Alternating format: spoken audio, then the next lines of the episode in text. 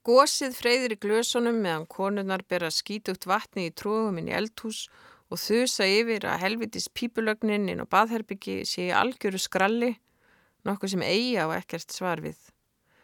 Hanna blóð langar að spyrja stelpunum með sjófuglsaugun hvort hún hafi lesið pistilin sinn um þorpið í dagblæðinu. Hún er nokkur veginn vissum að Bimban hafi gert það en þú eru samt ekki að spyrja.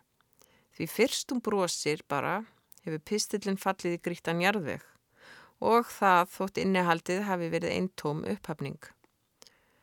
Stundum er ómulegt að gera bimbunni til hæfis, hugsar Eija með munnfylli af frjálsri kúpu. Það er súpa nokkra sopa saman, allar fjórar, áður en það er haldið aftur til starfa. Eija hlustur á bimbu hamast, núna komnin í eldurskápana, en stillir sumar júka til og spyrja hana beint út hókir yfir opnunum með grútskítugan tamburstan, miðar ekkert áfram miða við stormsveipina þrjá. Frænkurnar eru afturfarnar að kjafta kvorofun í aðra, skiptast á skvettubröndurum og hlæja ósamstæðum hlátri. Og man eftir dögum þegar þær bimban voru ennþá þær sjálfar.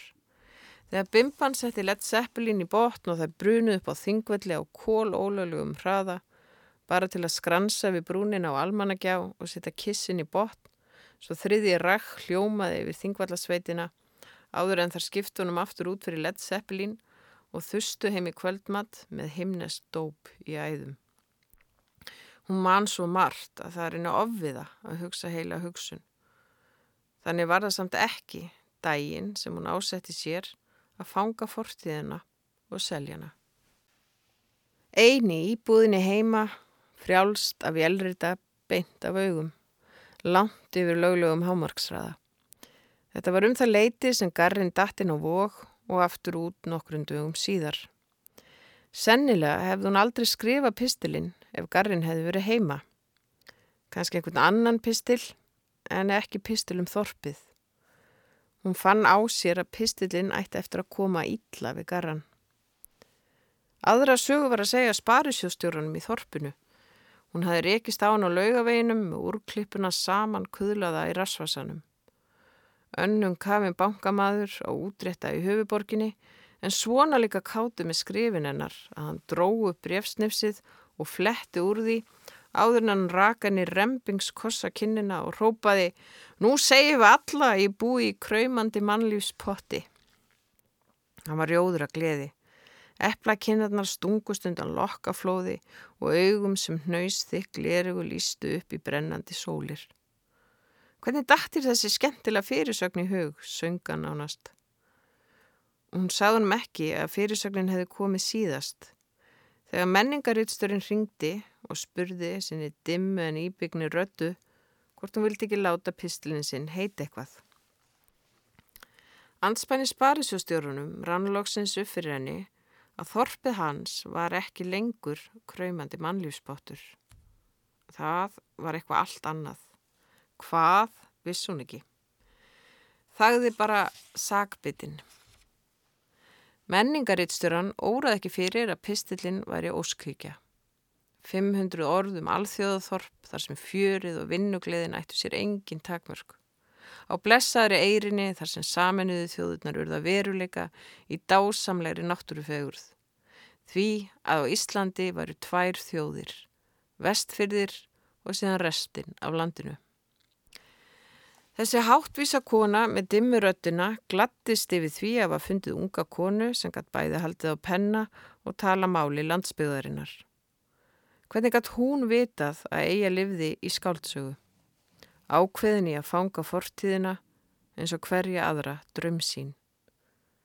Eða öllu heldur eins og þær skildu verelduna kvöldið sem vinkonennar kerðana heim úr bíó og það byrjaði að snjóa og hún var svo vittlaus að gera grín að snjónum fyrir vestan að hún á aldrei eftir að eiga nógu mikið af orðum til að bætinni það upp. Menningarittsturinn gætt heldur ekki vitað að höfundurinn var í segur um glæp. Hún hafi stíðin og reittstjórn dagblasins með mömmu. Nú þurft að skila pistli á diskettu og tæknin flækti svo fyrir mömmu að í hverri viku óttaðust hún að orðin sín væru horfin. Þar sem hún stóð trekt anspennis menningarítstjórunum meðan diskettan var keirð inn í drifið. Menningarítstjórun brosti elskulegu brosi sem leti ekkit uppi. Glerugu stækkuðu augun í senn leitandi og varbergi en samt fjörleg. Reyfingarna finlegar og andliti líka, rammaðin í franska klippingu. Fingundi mynd á píjánuleikara þegar hún rendi diskinu minn í tölvuna. Voru orðin þarna ennþá. Allar stólnu stundirnar sem mamma hafi kynkt samvinskupitinu og bandað látónum í krökkunum frá sér meðan hún nostraði við hugsanir sínar. Þær byðu í þögn, móðir og dóttir og allt í einu urðu orðin sem bókmentafinn hafði fangað í einni af sínum bókum að veruleika. Þær hættu að vera móðir og dóttir og urðu tvær konur. Þegar Eija spurði, má ég líka skrifa pistil? Mamma styrnaði. Hún hafði lengi blóta pistlunum eða öllu heldur nýjistu tæknu og vísindum með viðskeitinu tölvu eitthvað Að nægu var að huga þó að hún þyrti ekki að tilenga sér gemvísindi í ofanálag. Eitt var að skrifa hugsinn, annað að vjelrit og vista og tölvu, en hún létt sig hafa það. Þrátt fyrir þvottarhúðnar og hlutastarfið í kaufilænu, þrátt fyrir hundahárin í rúmfötunum sem þurfti að viðra daglega og orgin í börnum síðustu 20 árin. Það skiptana máli að skila þessum pistli einu sinni í viku. Eija vissi það af því hún þráði sjálf að koma orðum á prent. Mamma sagði ekkit. Svipriðin töluðu sínu máli. Varirnar herftust. Hún setti brítnar. Regði höfuðið. Meðan menningarittsturinn virti þær fyrir sér, bráði þykjan af mömmu. Rauð af skömmi við framleipninni í dóttu sinni, tafsað hún eitthvað í afsökunarskinni líkast því að hún sjálf hefði henst úr fötunum og tróðið nærbuksunum sínum inn í diskadrifið á tölfunni. Bráðum. Hvernig er það? Er þú ekki alltaf að skrifa í blöðin? Gjallir í skíðadrottningunni. Af hljóminum að dæma er hún ofan í baðkerinu eða með hausin inni í ónýtur í þvóttavelinni. Ekkert sem heiti getur lengur, svara mamma í stakkatótóninum sem eiga þekki svo vel og þýðir það hefur ekkert upp á sig að tala um þetta. Mér fannst ég nú bara að sjá mynda þér síðast um daginn og þú varst að skrifa eitthvað þá, er það ekki? spyr Rúna sem á til að vera álíka hernadöf og tóntegundir og hún er lesblind á riðmál. Nei, það var ekkert, tautar mamma og hikar áður en hún bæti við. Maður er held ég vaksin upp úr annar eins vittlesu Notar heldur þessar örfáu mínundur aflegu til að skála svo litið og skrafa en að velta sér upp úr hugarórum. Það er bara fyrir unglinga, eins og hana eigu. Bráðum verður eiga komin burt. Hún þarf bara að loka augunum og þá burt. Takk. Hún drap mömmu sína. Samt mynd hún ekki lífgana við þó hún gæti. Úrklippan úr blaðinu er allt sem hún á. Mamma á nóg af úrklippum. Þeir eru geimtar í gömlum kassa utan af Anton Berg konfekti, einum af þessum stóru gildu, líklega fekk afan í jólagjöf frá útlenskum forlegjara eða sendir á því. Gulnaði pislatni bræðast eins og ítölsk pizza, stökkir og ferskir hvert orð safaríkt og bræðmikið, einhvern veginn á réttum stað með því að vera á raungum stað. Líkt og fólki á myndunum hennar mömmu er þráðbeint í ramskökkum hlutföllum. Verst að þú veist það ekki sjálf, sagði eigi einu snu við mömmu sína sem sló hana utanundir og skipaði henn að þeia. Hvað þættist hún vita sem gerði ekkert nema æra sína nánustu úr hræðslum sig? Þegar Eijalas fei Veldon hugsaði hann um mömmu, þegar hún las Isabella Jende hugsaði hann um mömmu, þegar hún las Marlene Frens hugsaði hann um mömmu. Mamma las allar þessar konur og miklu fleiri. Síðan brunaði hún niður í kaufélag til að skrifa hundamat og blegjur á reikningin sem henni tókst að halda eftir að hún ríða sig í hlutastarfið. Amma var hreikin af henni að vera loksins búin að fá alvöru vinnu og hægt þessum ringlanda hætti. Líka nánustu ættingjar og börninennar sjálfrar. Allir hæst ánaðir með að mamma hefði fundið sinn stað í lífinu nema menningarittstjórin. Hún vissi ekki hvað hann ásist á veðrið. Hvað vildu þessar þrákelknislegu maðgur? Þögnin risti andrumsloftið eins og gimstinn gler þegar eiga smegði sér inn í ráðvilt höfuður rittstjórans. Menningarittstjórin sem hafi fyrir laungu síðan innbyrt lífstíða skamtin af taurarinsægi fann hvernig hrým settist á nefbrotin. Öglokkin eru þunga því einu að horfa á maðgurnar sem voru ekki lengur maðgur heldur hvor annari ókunnug önnur stíf af skömm hinn óþólandi kvoturóskin. Hvað átt hún að segja við auðmingjans manneskunnar? Hún þerraði rýmið af nefinu með bögfingri, þerraði það af glerugunum með peysulafi og ljósir prjónapeysu og brosti kurtis. Nógu lungin við rítstjórnina til að beina brosinu fyrst að fyrverandi mömmunni. Áður en hún saði við fyrverandi dótturina Þú verður að skrifa pistil til þess að ég geti svarað þér. Í alvöru, rópaði Eija, staðræðan í því að lesa já út úr orðunum sem skinugra fólk hefði tekið sem kurtisleiri höfnun í verstafalli háði. Menningaristörinn sett upp órætt brósum leið og hún skilaði mömmu tisklingnum aftur. Takk fyrir þetta, sá hann sinni dimmu, stimamjúku rödu og snýri sér aftur að tölfunni. Þar settust inn í kaldan bílinn. Úti var sól og frost, páskabyrta. Mamma sett upp sólglerugu, startaði bílnum í þremur eða fjórum atrennum og kerði loks af stað frá Reykjavík. Þar voru komna nokkra kílometra áleiðis í sveitina, báðar keðjureikjandi og blésu móðu Þegar svo sem hafi hingað til verið mamma hinnar, sagði loksins, hvernig væri að þú kláraði stúdentinn? Afi kláraði ekki stúdentinn. Þú ert ekki hann. Ásta Sigurðar kláraði heldur ekki stúdentinn. Hún var yngre en þú þegar hún kláraði kennaraháskólan og þú ert heldur ekki hún, langt í frá. Freðin tótnin í röddmóðurinnar myndi á önnur samtöl í öðrum bílferðum á sama vegarslóða í gegnum tíðina. Bílferðina þegar hún spurði dóttu sína hvort hún vildi ekki spara við sér salgættisátið frekar en að daga upp eins og kettlingarnar í sveitinni og dótturinn gelti framann í hana og hún skildi ekki af áhugjur að sér sem lifði pott þett betra kynlífi en hún. Bílferðina þegar dótturinn staði upp úr þurru að það merkilega við Woody Allen var ég einstök geta hans til að hlæja sjálfin sér og móðurinn hótaði að fleia sér út úr bílstörasætin og ferð ef dótturinn hætti ekki þessari óþólandi tilgerð að benda á hið augljósa. Mamma átti ofta síðast orðið, eins og í eitt af ótiljandi skiptum sem eigi að reynda bætinni það sem hún hafi farið á misvið í lífinu. Oftast með því að suða í henn að skrifa meira, en nú þóttist hún, hátili í fasi, ætla að fara aftur í mentó svo hún geti setna lært bókmentir og frönsku eins og mamma hefði gert hefði hún ekki verið ólétt. Mamma drap í einlagninni líkt á síkarettustubi þegar hún fussaði af sínu gamal kunna kviklindi. Þú um það, ef þú ætlar að verða enn einn kennarasleikjan í bókmentafræðinni. Þær höfðu farið margan bíltúrin saman.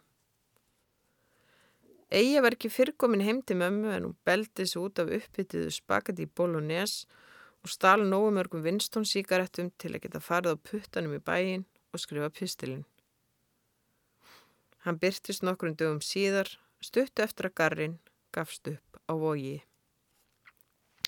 Það þarf annarkvort veruleika fyrta smástelpu eða yfirlistan íhaldskurf til að kalla þetta krummaskuð kræmandi mannlífspott drafaði garrin og hlósinum óþólandi ráma hlátri þegar hún sagði honum frá sparisjóstjórunum með pistilin í vasanum. Hann er kannski sjálfstæðiskall, ansá hún sár móðguð, en ekki hinn, Hann þetta sem sendi mér skeitið, hann er krati. Hann vil bara komast honi í nærbuksnar hjá þér, hló eigimadurinn enn innilegar og setningin átt eftir að verða henni kveikja að sögu hetju í skáldsögu mörgum árum setna. En hún gæti ómulega þakkað honum innblásturinn í augnablíkinu, pyrruð þegar hann tendraði pípunu sinni í senn sagbyttin og hæst ánaður með að vera komin heim. Hann vil það ekkit, hann þekki mig ekkit, mótmælt hún ákaft og veifaði símskeiti með áprentaðri ljósmynd á þörniptum fjöllum. Ég glatti bara hans vestfiska hjarta, hann þakkaði mér fyrir það í skeitinu, hann er sjálfur að vestan. Þú gleðu líka mitt vestfiska hjarta, ískraði eigimanninum um leið og hann skvetti lögg af vodka út í kaffi sitt. Botlin leitt ankannarlega út inn í stofinni hjá þeim. Út um gluggan blasti við reikvist kvöldið blikkandi skiltið á Hotel Borg og óið með sprunginni Peru. Þingkoltinn, fjölskyldur og ráfi um kirkjugarðin, sifjulegi kettir og hann með þennan fáránlega klamkjellingabotla. Á breyðri aukslinni lafði kötturinn hans og malaði, gömul upptaka með Caruso högti í skítugum geyslaspillara. Á borðinu lág Kilja, mistarinn og Margarita, opin upp á gátt. Hann las hann að spjaldan á milli og leti ískra í hlátrinum eins og drísill hefði tekið sér bólfestu í barkanum. Inn á milli myndaði hann pennan og teiknaði. Bera konu, slöngu, píkublóm. Eitthvað í anda flóka. Hann hló. Pistillin hafi komið illa við hann. Hún þekkt hann og vel til að vita það. Nokkrum dögum síðar ringdi menningarítstjórin í óvöndum erindagjörðum. Egið ringdi fagnandi í fyrverandi mömmu sína. Orðin flætt út úr henni þegar hún sagði að rítstörun hefði voruð svo ánað með pistilinn að henni hefði verið bóðin först pislaskrif. Það sárvantaði nefnilega rött ungra kvenna í blöðin. Vitaskuld gerði fyrverandi mammenar það sem hún gerði alltaf. Samklattist henni og varð aftur mamma sem gaf henni auður fyrir nælonsokkaböksum og halvan síkaretupakka. Það var ekki fyrir nokkrum vikum síðar að eiga komst að því að mamma væri hægt að skrifa í dagbladið. Þá var það ekki aftur snúið. Eldri konan hætti að skrifa, yngri konan byrjaði. Mörgum árum síðar, þegar eigi opnaði gamlan konfettkassa sem hafi væplast á milli húsa í ára raðir, rannaði upp fyrir henni og hún myndi aldrei, sama hvað hún reyndi, geta búið til en stökka pitsu og mamma. Hún glifti pislana í sig, kuðluð, gulnuð, brefsnifsi með unglegri passamynd af mömmu. Höfundur, húsmóðir. Höfundur, fráskilin fjögrabarnamóðir í kjötunu í kaufélaginu. Höfundur, dóttir skáldsins. Höfundur, á kaliber til að skrifa hvert sem er undir borðið. Þá var það orðið of seint. Fyrir gefðu, langar hann að segja. En þá eru orðin, orðin svo mörg, að þau þyrlast hvert um annað, hljómlaus og tóm. Hún segir, fyrir gefðu. Og mammina segir, hættu þessum tilgerðilega skáldskap. Og því er hún mömmu sinni að eilífu þakklátt. Takk, segir hún löngu setna. Viðskiptavild. Hún laumast afsýðist til að ringja. Prísa sér sæla að amma hafi punga út fyrir símarekningnum, skilningurinn uppmálaður, yfir að eiga þurftu útrétta. Svo guðslefandi fegin að stelpana ætla að fara, að hún er víst til að punga út fyrir afborgunum á vikslinum ef sparisjóstjórin segi nei. Símin ringir í veðruðu húsi þar sem mávar spyggsbor á þakrennunni í skugga af fjalli.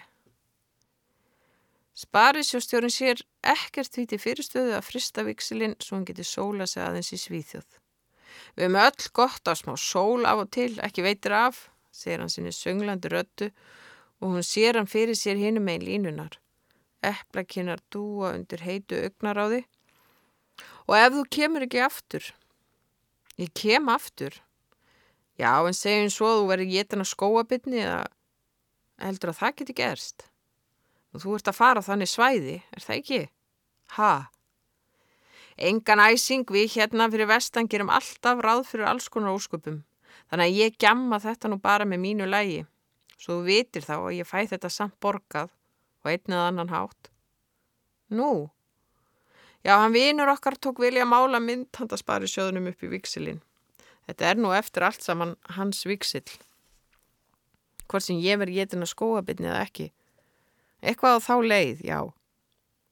Hann hlæri innilega og hyggstar upp á milli hlátuskviðana að pistillin liggi ennþá kuðlaður í rasvasanum en það gaman að svona stelpur rófum sem koma vestur í fisk.